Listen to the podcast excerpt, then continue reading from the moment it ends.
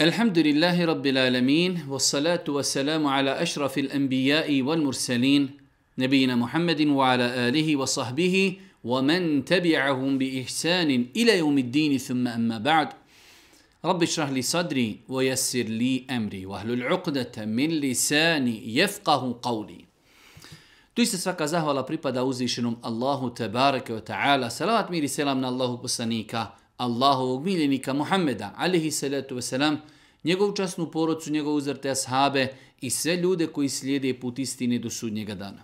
Uvažne vraću i poštovane sestre, uvaženi gledatelji, evo nas u još jednoj emisiji u kojoj se družimo sa vašim pitanjima i vašim dilemama.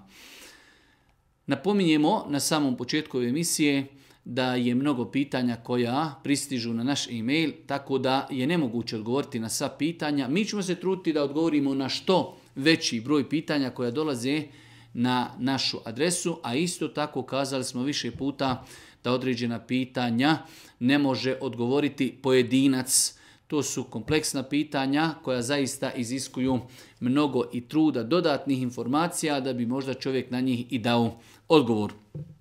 Ovo je, koliko se sjećam, naša peta emisija u kojoj se družimo sa vašim pitanjima i vašim dilemama. Prvo pitanje Imala sam mnogo vesvisa pa sam se često klijela Bogom da neću uraditi nešto ili hoću. U svakom slučaju e, jedno pitanje u kojem jedna naša sestra ima problema e, sa vesvesama da je se mnogo zaklinjala uzvišnji Allahom subhanahu wa ta'ala u pogledu određenih stvari pa je nakon toga ona donijela novu odluku e, da će samo e, kada bude sigurna za određenu stvar da se zaklinje i tako dalje. U svakom slučaju poslije je pitanje kako da se obhodi prema određenim stvarima za koje više nije sigurna da li se za njih zaklijela ili nije zaklijela i da li je obaveza da se iskupljuje. Generalno je pravilo znači kada je u pitanju e, pogotovo u pitanju osobi koja ima poseban tretman, a to je vesvese došaptavanja, da insan će uzeti kao validnu zakljetu, samo onu zakljetvu za koju je siguran i ubijeđen da je izgovorio u želji da se zakune za određenu stvar. Sve mimo toga došaptavanje šeitana, da li sam kazao, nisam kazao, da li sam izgovorio, nisam izgovorio, da li je to bilo samo u mislima ili ne, sve te stvari odbacujemo i ne osrćemo se na te stvari. Znači, e, osobi koja, kada je u pitanju zakljetva, obaveza je da se iskupi za onu zakljetvu za koju sigurno zna i može potvrditi da je se za tu stvar zakljela, a potom tu zakljetvu i prekršila. Drugo pitanje, opet nam se ponavlja ono pitanje, e, zanima vaš stav sa kojim bismo mogli e, pomogli mnogim sestrama, u svakom slučaju, pitanje je tog takozvanog halal laka za nokte. Ja sam nekoliko puta javno odgovarao na to pitanje. Vjerovatno te naše sestre nisu uspjele da e, vide taj odgovor. E, smatram da sestre treba da budu pažljive i da ne žure u pogledu tog proizvoda dok ne znadnemo ko je stao iza tog proizvoda, ko je taj koji je dao halal certifikat ili već neko odobrenje, ko je taj koji je to probao, ko je to testirao. U svakom slučaju, pošto je u pitanju namaz, u pitanju je abdest, u pitanju je taharet, ne bi da se požuruje sa tim dok to ne bude sigurno provjereno. Pitanje zašto je zabranjen duhan koji šteti zdravlju, a nisu zabranjena gazirana pića koja isto tako podjednako štete našim zdravlju. E, ovako je pitanje, pitanje naslovljeno, ja se ne bih složio sa ovom konstatacijom e, da je gazirano piće e, na istom stepenu štetnosti kao i duhan. Na osnovu toga je i postavljeno pitanje zašto kažemo za duhan da je haram, a zašto ne kažemo za gazirana pića da su haram, a kao u pitanju stoji, a identični su u pogledu štetnosti. Ne znam, ja lično nisam još dobio ta saznanja da je da su gazirana pića štetna onoliko koliko je štetan duhan. Tako da se pitanje vraća na štetnost. Svakako da mi imamo mnogo stvari koje mi konzumiramo u kojima ima određena štetnost za ljudsko tijelo, ali hajde kažemo nije to nešto ogromno pa se to toleriši ali znači, e, pa mislim da islamski učenjaci u pogledu gaziranih pića su e, i zaustavili se u pogledu hukma i propisa da kažu da su gazirana pića zabranjena zato što štetnost nije na tom visokom nivou kao što je, na, na, kao što je u pitanju duhan. Tako da Allah najbolje zna, smatram na osnovu određenih iščitavanja i istraživanja da je štetnost duhana mnogo, mnogo, mnogo veća za ljudsko tijelo i za ljudsko zdravlje od gaziranih pića. Ovo nikako ne znači da pozivamo, pozivamo gaziranim pićima da ih propagiramo, ali pogotovo ako imamo osobe koje to rijetko piju, znači e, štetnost toga nemoguće je mjeriti sa štetnosti duhana. Da li ispravno osoba radi koja trenutno samo prakticira farz namaze i uzima samo farz abdesta? Ispravno, definitivno. Znači, e, insan koji bi uzimao abdest samo po onome što je obaveza i klanjao namaze koji su mu obaveza, da li ispravno postupa? Postupa i kako. Znači, pogotovo u tim nekim počecima kada se ljudi privikavaju na određene ibadete. Određenom broju ljudi je teško uvezati da u toku dana pet puta abdesti, pet puta klanja, tako da u početku ljudima dati olakšicu da u abdestu uzimaju samo one osnovne, najbitnije stvari koje su obavezne u pogledu abdesta i kada klanjaju, da klanjaju samo farze, da li takve osobe postupa ispravno? I tekako. Božijem poslaniku je došao ashab koji je pitao Božijeg poslanika šta nam je naređeno, pa je kazao Božijeg poslanik naređeno nam je pet namaza, farz namaza u toku dana. Pa šta nam je još naređeno? Naređen nam je post i tako dalje. Pa je poslanik Ali Selatu Veselam, taj čovjek je rekao, ja ću to izvršavati i neću na to ništa dodavati. Misleći da će samo klanjati propisani farz namaze, da će postiti mjesec Ramazan, odnosno da će se držati samo temelja Islama, pa mu Allah poslanik Ali Selatu kazao, ako ustraji u onome što je obećao, ući će u džennet. Tako da e, trebamo znači bez emocija gledati na ove stvari. Ako imamo osobe koje abdesti i uzeli su prilikom abdesta ono što je obaveza da bi njihov abdest, bio ispravan, klanjaju samo propisane farze, ja bi to i te kako e, do, da kažemo dopustio, pustio da ti ljudi tako radi, a oni će ako Bog da vremenom, dok ojačaju svoj iman, dok imaju više vremena, početi sigurno i prilikom abdesta e, prakticirati sve one ostale sunnete, a isto tako i za namaz.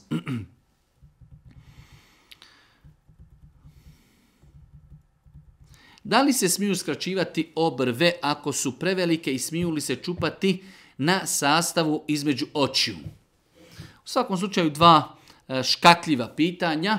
Ako nekome znači obrve toliko strši da jednostavno prelazi neku pod navodnim znacima normalu pa da skrati znači dlake koje strši nadamo se ako Bog da da to nije sporno a kada je u pitanju e, ovaj dio između obrva, da li je dozvoljeno znači da se te dlakice uklonu. Islamski učinjaci kažu ono što je zabranjeno, zabranjeno je dirati obrve kada je u pitanju čupanje. Tako da e, znači da čovjek samo ukloni dlakice koji su između obrva ako Bog da nije sporno i nije zabranju. S tim što čovjek treba da pazi šeitan znači lagano otvara vrata, pa će možda sam početi malo uklanjati ove dlakice, pa malo ovda, pa malo ovda i tako da to može otići u ono što je zabranju. Tako da e, odgovor na ovo pitanje, nadamo se inša da nije sporno ako neko ima određene dlake iz, iz obrva koje strši, koji jednostavno e, već privlači pažnju onoga ko sa njim razgovara, e, znači ističu se, nadamo se da nije sporno da se te dlakice znači skrate makazama, a predio između e, obrva smatramo da nema smetnje na osnovu opet govora islamskih učenjaka savremenog doba da nema smetnje da se dlakice između dvije obrve uklonu s tim što treba paziti da to vremenom ne pređe do uređivanja uređivanja obrva. Mnogo čitam o tome kako da se postavi vjernik kojeg zadesi neki musibet, te kolika je nagrada kada se on strpi i bude zadovoljan Allahom odredbom. Šta je sa vjernicima koji praktuju vjeru, a nemaju iskušenja? U svakom slučaju ovo je jedno pitanje, interesantno pitanje. Osoba, znači pita, e, imamo mnoge ajete i hadise koji govori o vrijednosti strpljenja u iskušenjima insan praktikuje vjeru, eto trenutno nema iskušenja, pa šta je sa takvim ljudima? Odgovor je, braćo, moja draga i cijeni sestre, čovjek u životu može biti u jednoj od dvije opcije. Ili je u blagodatima, pa se od njega očekuje da zahvaljuje na tim blagodatima, ili je u iskušenjima, pa će biti strpljiv na onome što ga je zadesilo. Postoji jako razilaženje kod islamskih učenjaka Ko je na većem stepenu? Ili onaj koga je zadesio musibet, pa se strpio radi Allaha, ili onaj ko uživa blagodati, ali zahvaljuje uzvišenom Allahu švanu određen dio učenjaka, i to veliki učenjaka, smatrao je da je na većem stepenu insan koji ima blagodati. Samim tim ima mogućnost da počini mnoge grijehe, ali on se suzdrži i zahvaljuje uzvišenom Allahu na blagodatima. Tako da insan ne treba priželjkivati belaje. Doći će iskušenja. Nekada su to iskušenja u e, grijesima, nekada su to u zdravlju, nekada je to poroca, nekada je to komšiluk, ali će iskušenja sigurno doći. Insan ne treba priželjkivati iskušenja. Ako se trenutno nalazi u blagostanju, njegovo je da zahvaljuje uzvišenom Allahu subhanahu wa ta'ala. Zašto mu jezin uvijek ponavlja za imamom u Mesčidul Haramu u Mekki i Medini? U svakom slučaju, islamski učenjaci postavili su generalno pravilo kada treba ponavljati za imamom. Kažu, e, za imamom se može prenositi, takozvani termin prenošenje, znači ako zatim postoji potreba. Znači ako bi rekli e, da imamo malehnu džamiju, pa će neki ljudi nisu mogli ući u džamiju, a nemamo znači ozvučenja, pa ćemo nekoga možda postaviti u zadnji saf na vrata džamije da čuje Efendiju kako kaže Semi Allahu limen hamide Allahu ekber i predaje selam, a on će ljudima prenositi tamo da ljudi se mogu povoditi za imamom. To je to takozvano prenošenje prenošenje onoga što imam izgovara. E sada, velik broj islamskih učenjaka današnjeg doba, doba od kojih je Ših Ibn Baz ili e, poznata stranca Islam Web, E, kada su im postavljena ova pitanja, ima li potrebe u Meki i Medini zbog mnoštva znači klanjača koji klanjaju, može se desiti znači da neko nije čuo govor imama pa da ljudi dođu u neku e, da kažemo pometnju, da li ima potrebe da mu jezini neprestano ponavljaju pa su to oni odobrili. Tako da u svakom slučaju znači pitanje je podležno hadu. Velik broj učenjaka savremenog doba odobrio je praksu koja je prisutna u Meki i Medini a mimo Mekke i Medine znači prenošenje onoga što imam izgovara vraća se na pitanje potrebi. Onda kada ima potreba, treba da to neko prenosi, ako nema potrebe, neće se to ni prakticirati. Slušao sam neke predavače kada su govorili o Allahovim atributima i to kako ništa nije slično Allahu niti ravno. Pa me sada interesuje da li se Allah nalazi iznad nebesa i može li se ukratko nekako objasniti i možda neki dokaz priložiti. Pitanje znači gdje se nalazi uzvišeni Allah subhanahu wa ta'ala. Kur'an nam govori da je uzvišeni Allah subhanahu wa ta'ala stvorio zemlju i nebesa, nakon toga se uzvišeni Allah subhanahu wa ta'ala uzvisio iznad arša. Arš je najveličanstvenije i najveće Allahovo subhanahu wa ta'ala E, stvorenje njegov prijestol. Kaže uzvišeni Allah subhanahu wa ta'ala, gospodar vaš je Allah, koji je sedam e, koji je nebesa i zemlju u šest dana stvorio, a on da se uzvisio iznad arša jasan znači ajet u kojem uzvišnja Allah subhanahu wa ta'ala govori da se uzviši, uzvisio iznad arša njegovog prijestolja nakon što je stvorio zemlju i nebesa. Imamo druge ajete u kojima uzvišnja Allah subhanahu wa ta'ala jasno e, spominje da se određene stvari sa zemlje uzdižu gospodaru. Ako se uzdižu, gdje se uzdižu? Uzdižu se znači prema nebesima, pa imamo dokaze u Kur'anu da se dobra djela ili lijepa riječ e, uzdiže uzvišenom Allahu subhanahu wa ta'ala. Isto tako, e, Allah poslanik alaihi se letu kada mu je onaj čovjek doveo e, znači robinju pa je Allah poslanik pita ejna Allah gdje je Allah ona kaže fisema na nebesima. Kaže Allahu poslanik, a ko sam ja? Kaže ti si Allahu poslanik, pa kaže Allahu poslanik njenom vlasniku oslobodi je, doista je ona mu'minka. Tako da znači po konsenzusu islamskih učenjaka ehli sunneta uzvišeni Allah subhanahu wa ta'ala je znači iznad iznad arša se uzvisio nakon što je stvorio zemlju i nebesa. Allah poslani kaže u vjerodostojnom hadisu, zar u mene nemate povjerenja, a ja sam povjerenik onoga koji je na nebesima. Pa je uzvišen Allah subhanahu svojim bićem iznad arša se uzvisio. Šta se treba da ispunjava od uvjeta životinja da bi bila zaklana za kurban bajram? Kada je u pitanju životinja koja se prinosi kao kurban e, u danu kurbanskog bajrama, potrebno je da se pazi na tri stvari. Prva stvar da se pazi na vrstu. Znači da to bude vrsta stoki, da bude ili deva, ili da bude krava, ili da bude e, koza i ovca. To su znači vrsta stoki, ove četiri stvari, da bude deva, krava ili da bude koza i ovca. S druge strane treba paziti na dob. Treba paziti na dob kada je u pitanju deva da je napunila pet godina, kada je u pitanju krava mora da je napunila 2 godine, kada je u pitanju koza da je napunila godinu dana, kada je u pitanju ovca postoji znači razilaženje, Allah najbolje zna, dozvoljeno je zaklati ovcu koja je napunila šest mjeseci i više, ali je tjelesno, hajde da kažemo, velika i ne razlikuje se mnogo od drugih ovaca koje su koje su napunile godinu dana. Znači moramo paziti da bude vrste stoke, moramo paziti na dob, i moramo paziti da nema nikakvih mahana. To su tri osnovne stvari kada su u pitanju mahane, znači misli se na tjelesne mahane, na ušima, na očima, na repu, jednostavno da je kurban čist od fizičkih mahana. Pitanje, e, da li, da li ima smetnje ako bi se kurban uplatio za Afriku? jer su muslimani tamo mnogo siromašni, u većini su potreb, u većoj su potrebi za kurbanskim mesom. U svakom slučaju, ono što je od sunneta i lijepo jeste da insan svojom rukom žrtvuje i prenese žrtvu za kolje kurban. Eh, ali isto tako, evidentno je da u našim državama jednostavno, hvala uzvišom Allahu subhanahu wa ta'ala, ali ljudi eh, živi eh, sigurno u velikim blagodatima i svi mi znamo da kada je u pitanju Kurban Bajram, da ljudi veoma često znaju biti u situaciji, pogotovo ljudi koji kolju desetine i stotine kurbana, nemaju više kome odnijeti kurban. Nekada se čak kurbansko meso, pošto naš narod ne voli mnogo ovčije meso, nekada se kurbansko meso tobe Arabi i baca.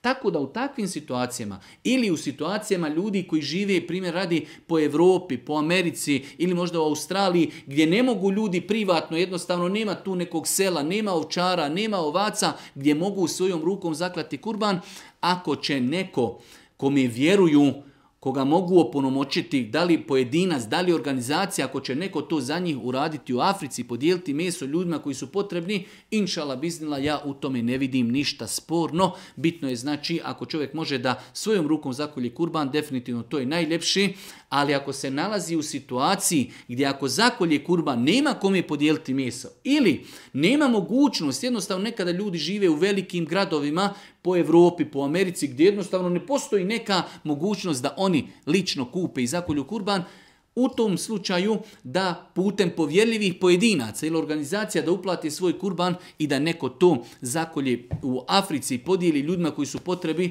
inšala bizna, nadamo se da je to apsolutno ispravno. E, možete li nam kazati Dova Nur? Interesuje, možete li mi pojasniti o njoj Znači stav o nur dovi. Ja sam našao odgovor našeg uvaženog doktora Šukri Ramića koji detaljno govori o ovom pitanju, ali na kraju odgovora kaže e, doktor Šukrija Ramić što se sami nur tiče, nju je haram dijeliti i propagirati, a onaj ko to svjesno radi neka zna da on poziva u kufr. Mnogo opasna stvar. Pogledajte šta kaže naš doktor Šuker Rami, što se tiče Nur Dove, nju je haram dijeliti i propagirati. A onaj ko to svjesno radi, neka zna da on poziva u kufr, da nas Allah od toga sačuva. Oni muslimani koji to nisu znali, pa su vjerovali u nur dovu i e, njome se bavili, njima će Allah oprostiti ako se iskreno pokaju. Jer Allah Đeršanu prima iskreno pokajanje. Svaku muslimanu i muslimanki dužnost je da upozore svoju braću i sestre na veliku opasnost nur dovi i njoj sličnih poziva kojima se pokušava izvesti e, muslimane iz vjere, a da oni to i ne osjeti. Znači, mnogo osjetljivo pitanje, teško pitanje, do te mjeri da vidimo da e, naš doktor Čuker Ramić jasno kaže da je to pozivanje u nevjerstvo i kufr. Tako da, insan ako mu i dođe e, putem interneta ili e, direktno nešto što ljudi nazivaju nurdova, to treba ili ignorisati, pocijepati, zapaliti, ali niti čitati, niti drugima to prosljeđivati. ako bi čovjek radio sam E, sati dnevno u državnoj instituciji. Svoj posao za taj dan završi ranije, jedan sat. Da li po islamu smije napustiti radno mjesto i ranije otići kući, iako je plaćen osam sati? Napuštanje, znači e, sat vremena ranije da čovjek iziđe s posla. E, svakako, osnova je da ne smije napustiti. Osnova je čovjek prima platu, osam sati je plaćen i svaki taj sat on naplaćuje. Tako da je osnova velika da bez obzira što je završio svoj posao, sjedi tu, čitaj nešto korisno ili ako imaš nešto e, korisno da radiš, a vezuje se za tvoju struku, treba da radiš. E, osim što kažu islamski učenjaci, ako postoji opcija da čovjek traži saglasnost od nadležne osobe da iziđe ranije. Znači da se prijavi svome nekome koji je nadležan, ko ima ingerencije da mu dadne saglasnost, ako ga pusti, onda je to njegova odgovornost. Ili, kao što ima nekada situacija da šefovi kažu određene poslove svojim radnicima, kažu ko završi taj posao može ići kući. Znači, ako šef dozvoli da, kao što imate e, različite situacije, da se jednostavno radniku kaže danas treba ovo da uradiš, ako uradiš prije vremena, kako bi se znači, stimulisao i motivisao da bolje radi, ako završiš ranije možeš ići kući. U takvim situacijama može se otići ranije, ali opet znači treba pažnja, treba se čovjek paziti. E, da imeta koji zarađuje, zarađuje na halal način, osnova je da čovjek treba da bude na svom radnom mjestu, da ne ide ranije, osim u ovim nekim iznimnim situacijama kada se traži dozvola od onoga koji je nadležan ili se, znači je dogovor sa šefom da ako uradi određen posao, znači prije završetka radnog vremena da on može ići kući.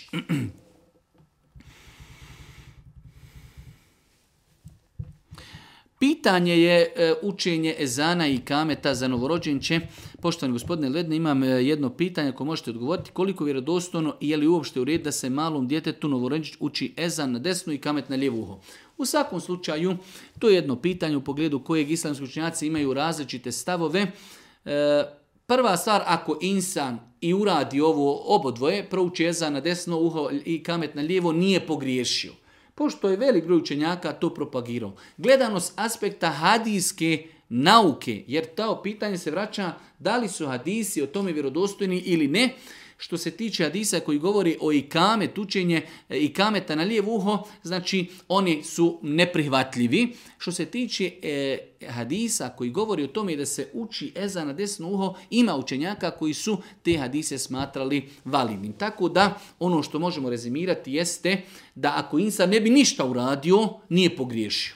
Ako prouči samo ezan, dobro je postupio. Ako prouči i ezan i kamet, nije napravio neku veliku grešku, ima iza sebe velik broj učenjaka koji su to odobrili. U svakom slučaju jedno pitanje koje je podležno različitim razumijevanjima. Velik broj islamskih učenjaka je dozvolio i smatrao pohvalnim i lijepim da prve riječi koje dijete čuje budu riječi ezana, znači da jednostavno prve riječi budu riječi tauhida, monoteizma, Allahu ekber, la ilaha illallah, Muhammedu Rasul, Rasulullah i tako dalje. tako da insan ako bi to uradio, ispravno je inša postupio. Ako bi i ostavio, smatrajući da hadisi koji govori o tome nisu vjerodostojni, ne bi napravio nikakvu grešku.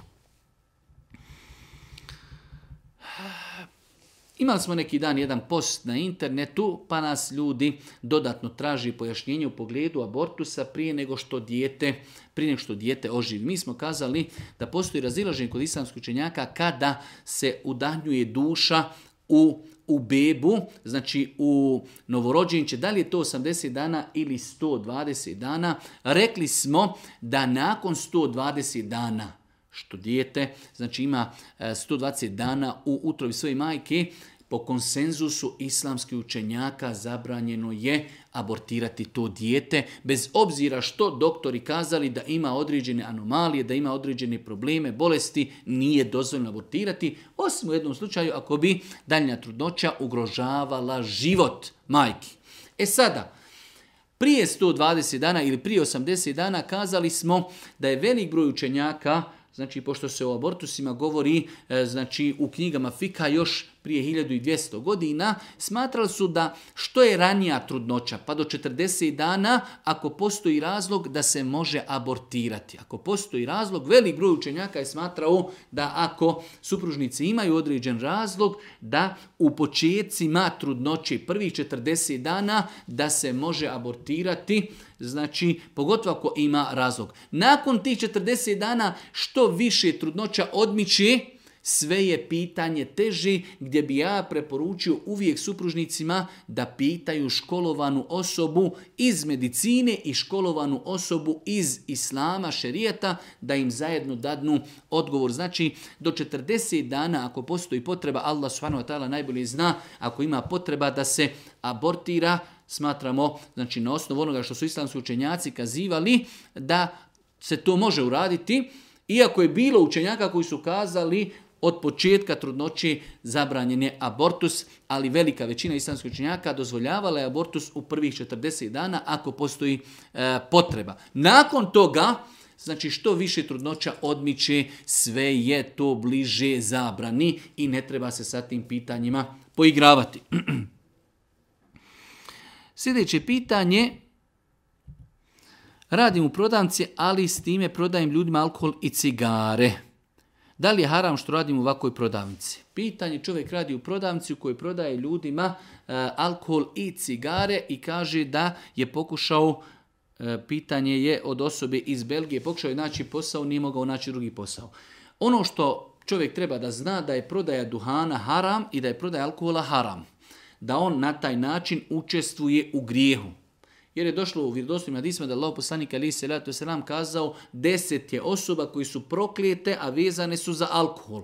Pa onaj ko proizvodi, onaj ko nosi, onaj ko pije, onaj ko cijedi i tako dalje. Deset osoba u lancu proizvodnje alkohola svi su proklijeti znači e, u vjerodostojnim hadisima Allah poslanika. Tako da čovjek treba da zna da je e, prodaja alkohola učestvovanje u promovisanju toga grijeha treba insan da se potrudi i da da sve od sebe da ostavi taj posao i da nađe drugi posao gdje neće morati rati nešto što je zabranjeno i sporno. Prodavati duhan, prodavati alkohol je zabranjeno.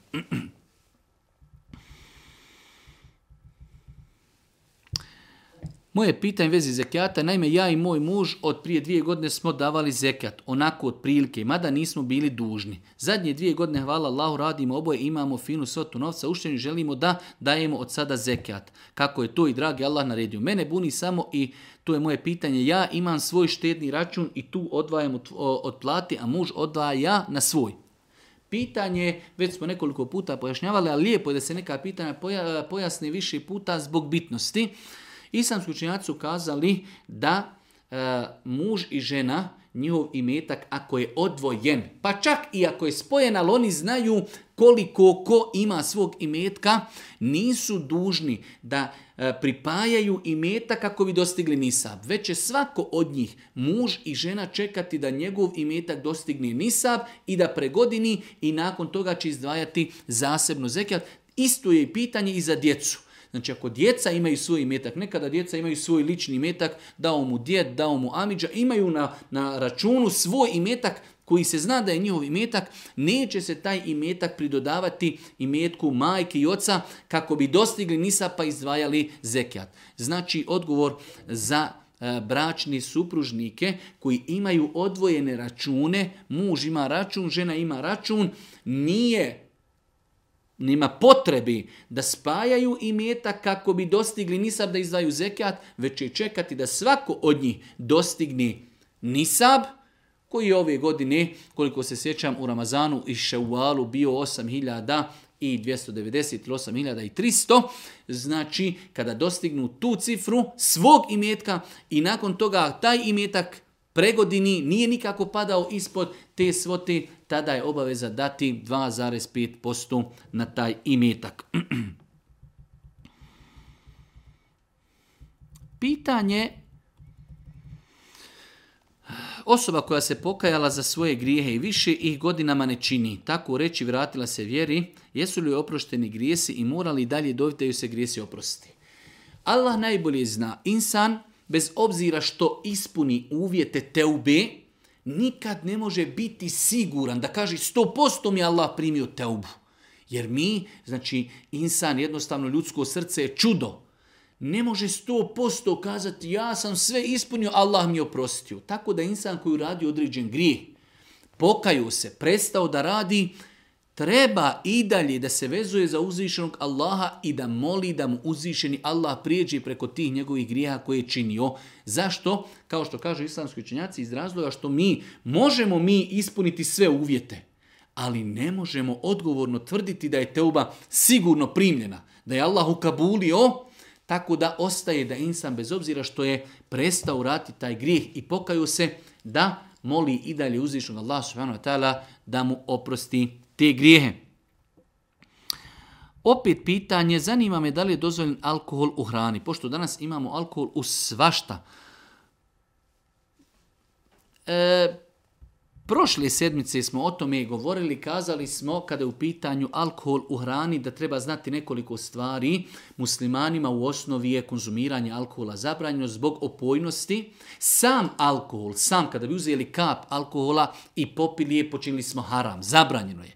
Ali alkohol koji je stavljen u hranu i pomiješao se sa hranom izgubio pojnost. Navodili smo primjer da imamo kap alkohola i tu kap stavimo u kantu vode 20 litara. Da li ti 20 litara je e, zabranjeno piti? Nije, zato što se svojstvo alkohola izgubilo u toj tečnosti. Tako isto, ono što mi je poznato, velika većina tih proizvoda u kojima ima alkohola, znači slatkiši ili nešto drugo peciva, e, znači procenat alkohola je izuzetno malehan, ali islamski učenjaci su postavili pravilo da ako insan taj proizvod konzumira u velikim količinama i ne osjeti nikakvo djelovanje alkohola, e, takvi proizvodi su dozvoljeni. Mi muslimani ako to proizvodimo, nama nije dozvoljeno da stavljamo alkohol u proizvode. Ali ako već neko proizvode, proizvede takav proizvod u kojem ima mal procenat alkohola koji se ne osjeti, onda su ti e, proizvodi dozvoljeni za konzumiranje, pogotovo ako se radi o proizvodima koji su e, znači e, podvrgnuti velikim temperaturama, znači varenje ili pečenje ili nešto slično tome gdje dolazi do isparavanja alkohola. Pitanje kako će čovjek prekinuti namaz ako zatim ima potrebu. Znači jedno interesantno pitanje, čovjek ima potrebu da prekini namaz. Da li će samo prekinuti namaz i otići ili će predati selam. Kažu islamski učenjaci, kada je u pitanju prekidanje namaza, dijeli se u dvije kategorije. Imamo prekidanje namaza zato što je čovjek e, što mu je namaz pokvaren. Primjer radi, čovjek izgubio u toku namaza abdest. Takav insan, znači gotovo njegov namaz onog momenta kada izgubi abdest je pokvaren. I on više nema ništa sa namazom. Nema potrebi da predaje selam lijevo ili desno. On će samo E, napustiti saf ili napustiti mjesto gdje je klanjao, otići uzeti abdest i ponovo klanjati. Za razliku od osobe čiji namaz je ispravan, ali ima potrebu da prekini namaz, primjer radi čovjek klanja, ali čuje da dijete žestoko plaće i možda se je posjeklo, palo i tako dalje. E sad, njegov namaz je i dalje validan. On želi da prekini namaz, da li će predati selam, eselamu alikum, eselamu alikum, ili će samo otići, šta god da uradi ako Bog da nije pogriješio. Ako krene hodati samim tim svojim kretanjem, on je što bi rekao poništio svoj namaz, a ako i preda selam na desnu stranu i na lijevu stranu, ako Bog da opet je ispravno postupio. Znači, vraćamo se, ako smo pokvarili namaz nečim kao što je gubljenje abdesta, tada ne treba predavati selam. Ako mi želimo da prekinemo namaz koji u osnovi ispravan, ali imamo potrebu da prekinemo kao kada čujemo primjer radi dijete koji plači, možda se posjeklo, možda palo, tada možemo samo napustiti namaz, a možemo i predati selam i nakon toga otići vidjeti ono zbog čega smo prekinuli namaz. Svakako prekidanje namaza treba da bude zbog velike potrebi. Kada su pogotovo u pitanju farzi, znači insan kada započne namaz, treba da se trudi maksimalno da završi namaz, ali postoji opcije i e, situacije kada čovjek ima potrebu i treba da prekini namaz, pa će se ponašati onako kako smo i pojasnili. Pitanje Žena znamo da ne smije izaći iz kuće namirisana. Da li pod pojam namirisana e, spada i dezodorans koji se koristi protiv znojenja? Ovdje moramo naučiti jedno veliko islamsko pravilo i nakon toga mnoga druga pitanja ćemo naučiti na osnovu ovog pitanja, a to je da kažu islamski učenjaci el hukmu teduru ma illetihi, u wa ademen. Islamski propisi se dosta puta vezuju za razlog pa kada ima razlog, ima propis. Kada nema razlog, nema propisa. U ovom slučaju, ženi je zabranjeno da iziđe iz kuće namirisana tako da kada prođe pored osoba da čuju njen miris. Da osjete njen miris. Mi dezodoran svezujemo e, protiv znači, znojenja, uklanjanja tragova znojenja, vezujemo za to da li osoba koja stoji pored te žene osjeti miris toga. Ako kažu osoba koja stoji pored te ženi osjeti miris toga, onda taj dezodorans se ne smije koristiti. Ako ne osjeti osoba koja pored nje stoji, onda nema propisa jer smo rekli propis je vezan za to da osoba naiđe pored nekog i on osjeti njen miris. Tako da dezodoransi znači ćemo, sami ćemo sebi to analizirati. Ako mi koristimo dezodorans i obukli smo potom, potom odjeću, ako se to ne osjeti nimalo za osobe koji su odmah pored nas, onda možemo to koristiti. Ako se miris dezodoransa osjeti, onda treba tragove znoja uklanjati na drugi način. Nadam se inšala da smo razumjeli ovaj odgovor. E, ovo je neko ko nije 100% ono bosanac, eno pitanje, moje svekrva je rekla da utorak preko dana ima jedan sat što nije dobar da kažemo kao prokljeto vrijeme. Da li kao pitanje, tako sam ga ja razumio, da Svekrva je rekla, mladi u utorkom ima jedan sat koji je proklet. To nije tačno, to je znači, e, to su gatke, to su priče, to je je nema, ne postoji vjerodostojan dokaz koji potvrđuje da u toku dana utorka postoji sahat koji je proklet. Tako da, znači u toku dana utorka, kao i u drugih dana, srijeda, četvrtak, ponedjeljak, možemo u toku dana i raditi i ušivati i prati veš i ne znam nija rezati nokte, sve neke tamo stvari koje naš narod smatra da su pokuđene i zabranjene. Moje pitanje glasi kada se može klanjati istihara namaz? Istihara namaz se može klanjati u svim vremenima, osim što je bolje da se ne klanja u vremenima kada je zabranjeno klanjati opću na filu. Znači mi muslimani znamo i treba da znamo da je e, nakon što se klanja saba farzi, pa sve do izlaska sunca i dok sunce ne oskoči u visinu jednog koplja, zabranjeno klanjati opću na filu. Zabranjeno klanjati opću na filu E, znači kada je sunce na polovini neba i nakon ikindije sve dok sunce ne zađe. To su tri vremena kada je zabranjeno klanjati opću na filu. Mimo toga u toku dana i noći se može klanjati na fila od koje je i e, istihara namaz.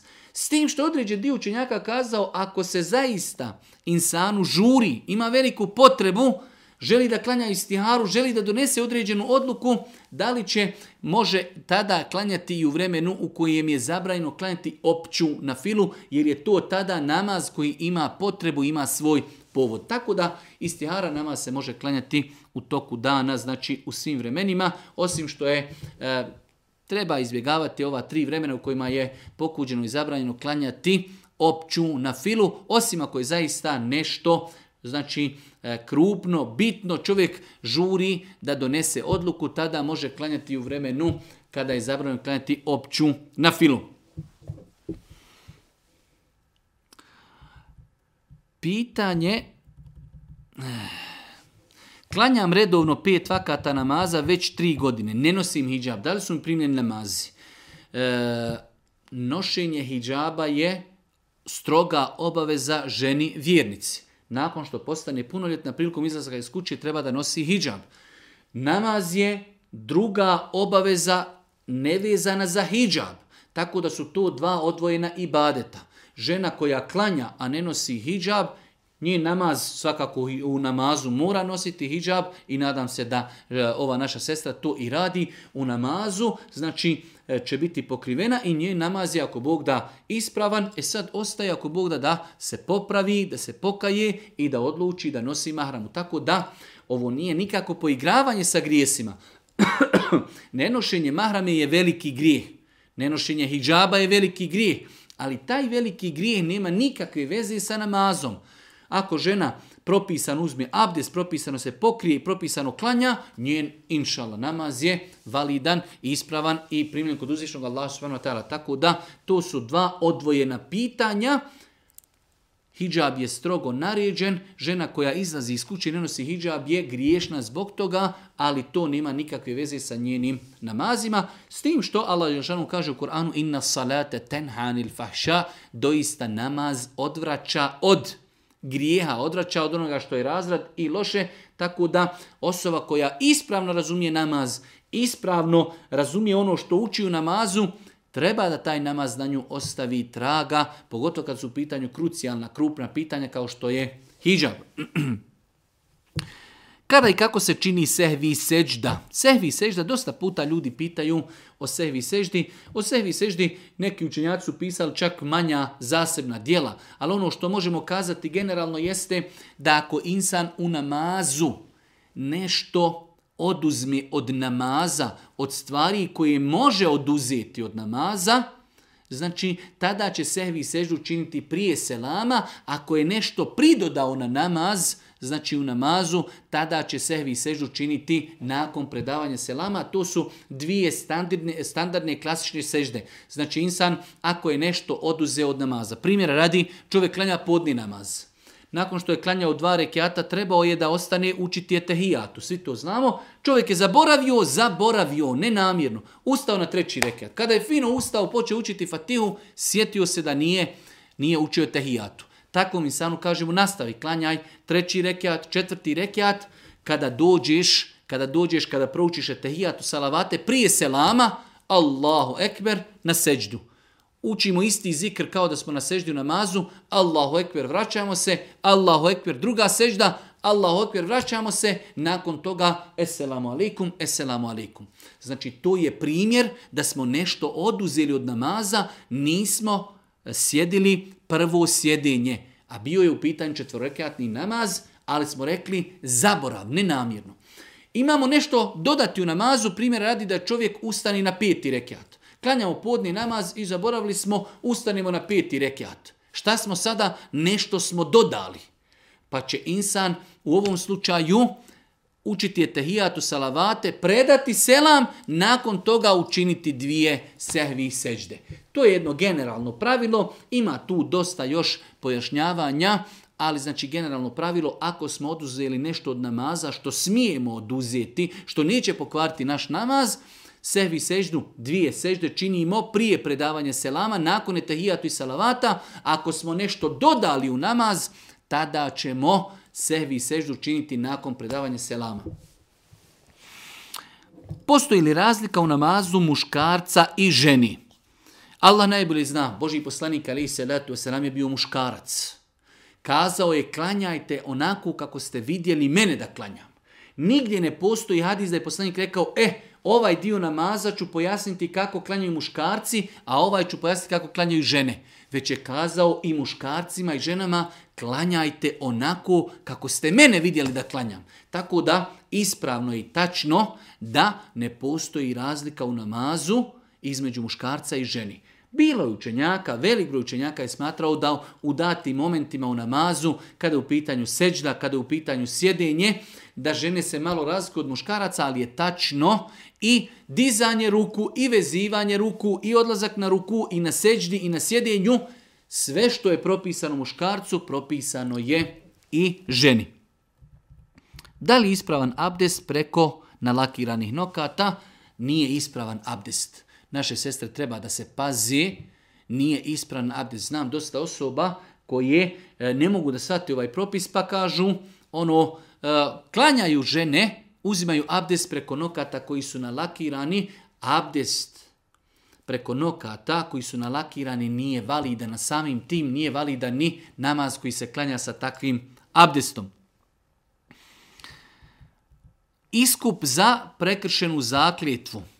Nerijetko se dešava da ljudi e, se iskupljuju postom prije nego što imaju mogućnost da urade nešto drugo svakom slučaju, e, mi smo o tome govorili i čak pisali zasebne tekstove, da insan ako je već došao u situaciju da će prekršiti zakljetvu. Želi da se iskupi za zakljetvu koju je prekršio ili će prekršiti. Jer je jedno i drugo dozvoljeno. Dozvoljeno da se čovjek iskupi pa prekrši zakljetvu, a dozvoljeno da prekrši zakljetvu nakon toga da se iskupi. Imamo tri verzije. Da nahranimo deset siromaha, središnjom hranom, kao što je došlo u suri majde koju mi jedimo. Jedan središnji obrok, porcija čevapa, ili da ih odjenimo, ili da oslobodimo roba. Ove tri stvari, bilo koju da uradimo, mi smo se iskupili za zaklitvu. Ako ne možemo ni jednu od ove tri, prelazimo na četvrtu stara, to je post. Ako bi počeli sa postom, a mi možemo nahraniti deset siromaha, imamo mogućnost ili ih možemo odjenuti, a postimo, naše iskupljivanje po konsenzusu učenjaka nije validno. Veoma bitna stvar, ako čovjek se zakuni, nakon toga želi da prekrši tu zakljetvu, prekršit će što će nahraniti deset siromaha ili će ih odjenuti ili će ili će osloboditi roba. Ove tri stvari more, od, može odabirati koju god hoće. Ako ne može ni jednu, tek tada ide tri dana post. Ali ako može, jedno od ove tri stvari, ako prijeđe na post, njegovo iskupljivanje za prekršenu zakljetvu nije ispravno po konsenzusu učenjaka. Pa treba paziti na to pitanje. Javljam se iz Sjedinjenih Američkih Država Imamo jedno pitanje koje se često polemiši u društvu, a vezano je za namaz musafira i putnika. Da li je bolje skraćivati ili ne? Ovdje se često, odnosno kada mi ovdje odemo kod rodbine sa, na nekoliko dana koji žive van našeg mjesta boravišta, vode se velike polemike i svađe. Da li je bolje skraćivati ili sastavljati? U svakom slučaju, braću moje draga i cijeni sestre, moramo se naučiti e, da prihvatimo da neko e, prihvati neko drugo mišljenje u fikhu. Generalno gledajući islamski učenjaci, bilo je islamski učenjaka koji su smatrali da je osobi koja ispunjava uvjete obaveza skraćivati namaze na putu. Pazite, znači insan koji putuje više od 80 km na halal dopuštenom putovanju, bilo je učenjaka od kojih je čak i Hanefijska pravna škola koji su smatrali da je obaveza čovjeku kada klanja da skrati namaze. Podnije dva, ikindija dva, jacija dva. Sabah ostaje dva, a akšan se klanja tri. Znači bilo je učenjaka kad u pitanju kraćenje, ne govorimo o spajanju, koji su smatrali da je obaveza. Džumhur učenjaka je smatrao da nije obaveza, već je to pohvalna stvar, olakšica, ko hoće nek skrati, ko neće može klanjati Potpuno. Tako da moramo se naučiti. Nakon toga dolazi razilaženja koliko trebamo odsjesti u jednom mjestu pa da više nemamo priliku da skraćujemo i spaljamo namaze. Pa su to sve pitanja gdje učenjaci imaju različite stavove.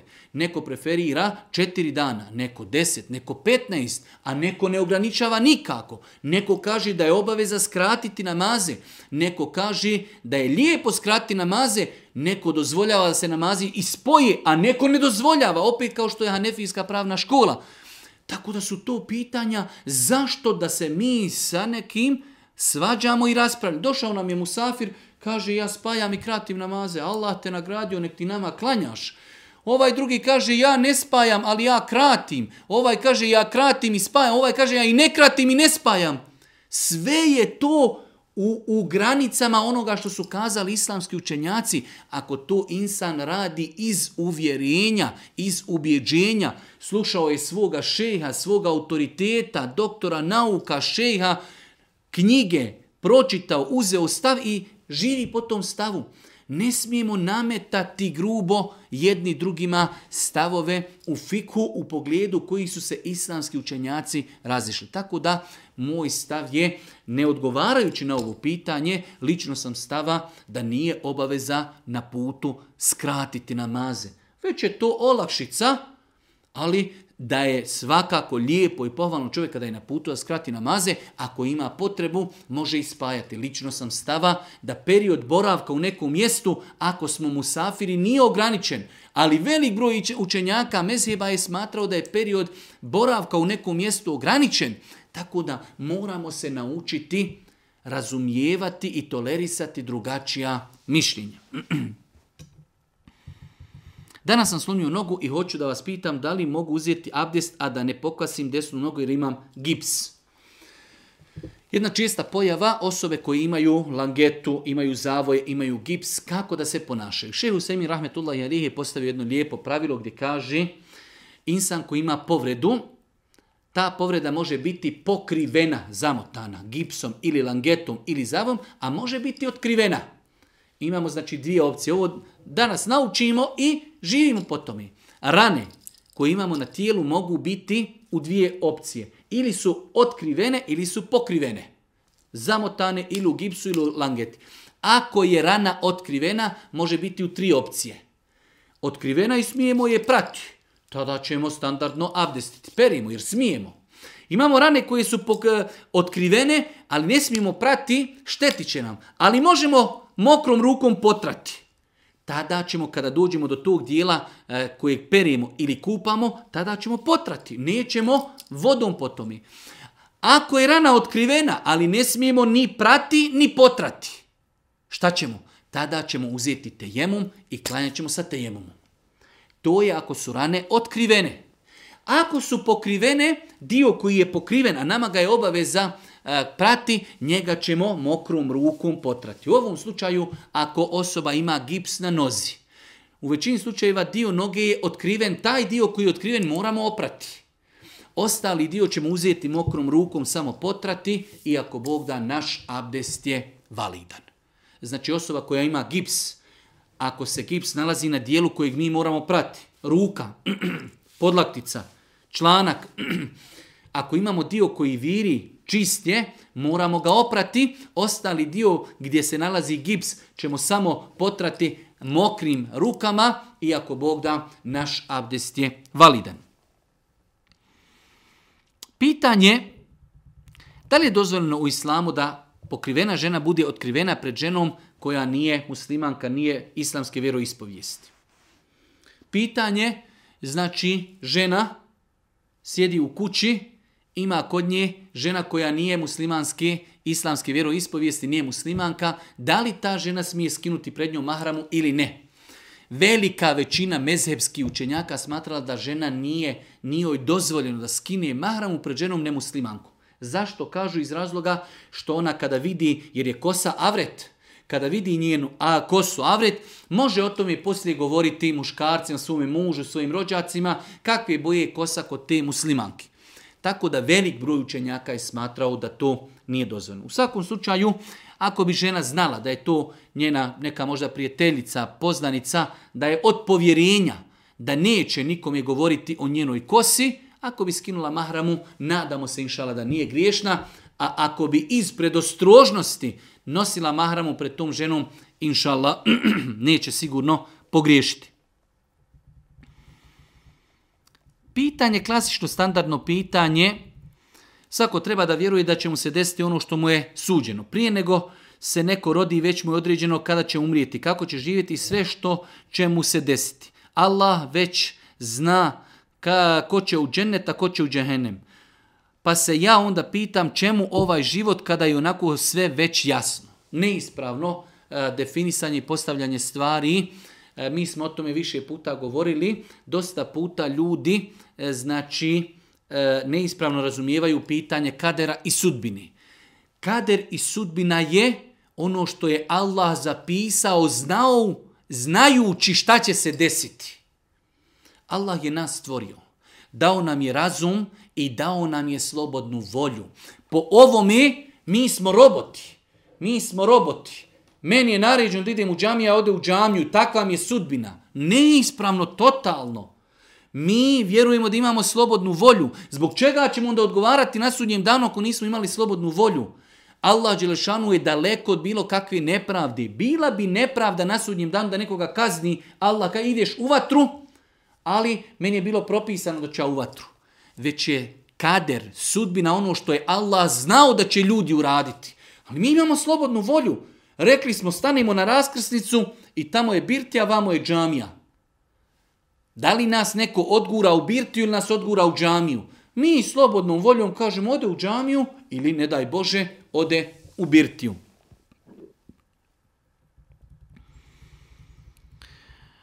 E, imam jedno pitanje, ja i muž živimo u inostranstvu, muž želi dići na svoje ime kredit za kupovnu stana, kredit kamatni ili kuće, a ja to ne želim. Kako da postupi, jel mi grije živjeti u takvoj kući? Žena koja živi sa svojim čovjekom, koji želi da digne kamatni kredit, treba da pokuša da ga odgovori na lijep način, da mu kaže da je to zabranjeno, da je neispravno, da se na taj način on izlaže velikoj kazni, velikom grijehu. Ali ako muž u svemu tome ustraje, ona je uradila ono što je mogla.